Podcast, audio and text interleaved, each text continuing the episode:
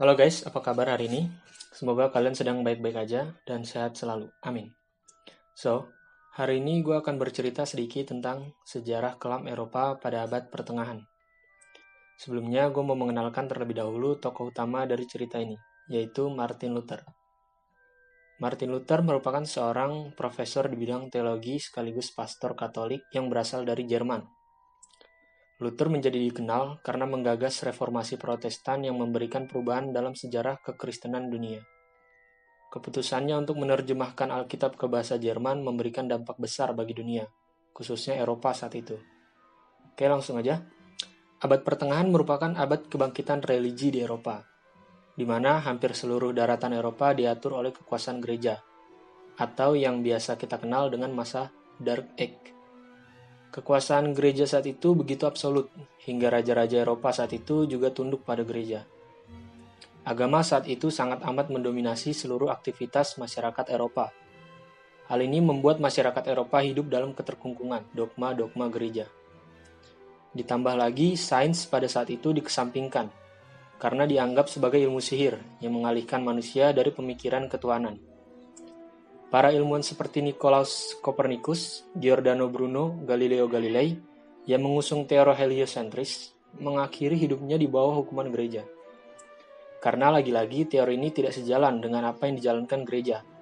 Gereja berpendapat bahwa bumi adalah pusat dari alam semesta. Hal ini tentu saja membuat Eropa mengalami kemunduran dan keterbelakangan intelektual saat itu. Namun karena agama saat itu digunakan sebagai alat kekuasaan, para pemuka agama dari pihak internal gereja saling mengklaim atas dasar agama guna kepentingan pribadi mereka. Seperti misalnya, pada saat itu gereja menerbitkan surat indulgensi. Surat indulgensi ini diperjualbelikan untuk mengurangi dosa seseorang atau keluarga yang sudah meninggal. Masyarakat Eropa saat itu benar-benar dipengaruhi doktrin para pemuka agama, karena memang gereja juga melarang masyarakat untuk membaca Alkitab. Alkitab hanya bisa dibaca oleh para pemuka agama saja pada saat itu.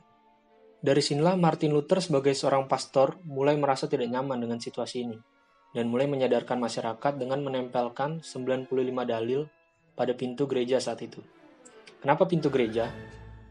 Karena pada saat itu pintu gereja juga digunakan seperti mading bagi masyarakat Eropa sebagai sumber informasi. Karena tindakan Martin Luther ini, dia dihukum dengan cara diasingkan. Tidak berhenti di situ, selama diasingkan, Martin Luther menerjemahkan Alkitab dari bahasa Latin ke dalam bahasa Jerman untuk bisa dimengerti oleh masyarakat. Setelah itu, Alkitab mulai tersebar di seluruh lapisan masyarakat dan bisa dibaca. Dari sinilah perubahan besar mulai terjadi. Dari munculnya Protestan atau pro kitab suci dan munculnya alternatif kekuasaan absolut dari gereja. Perjuangan Martin Luther saat itu benar-benar mempengaruhi Eropa dan dunia. Eropa mulai bangkit dari keterkungkungan. Selain itu, masyarakat mulai terbuka dengan pengetahuan. Bangkitnya Eropa juga mempengaruhi negara-negara di seluruh dunia. Pengetahuan, pendidikan, revolusi industri, sistem pemerintahan, merkantilisme, dan ideologi mulai berkembang sejak saat itu. Reformasi gereja saat itu mengembalikan kembali kejayaan Eropa setelah masa kelamnya.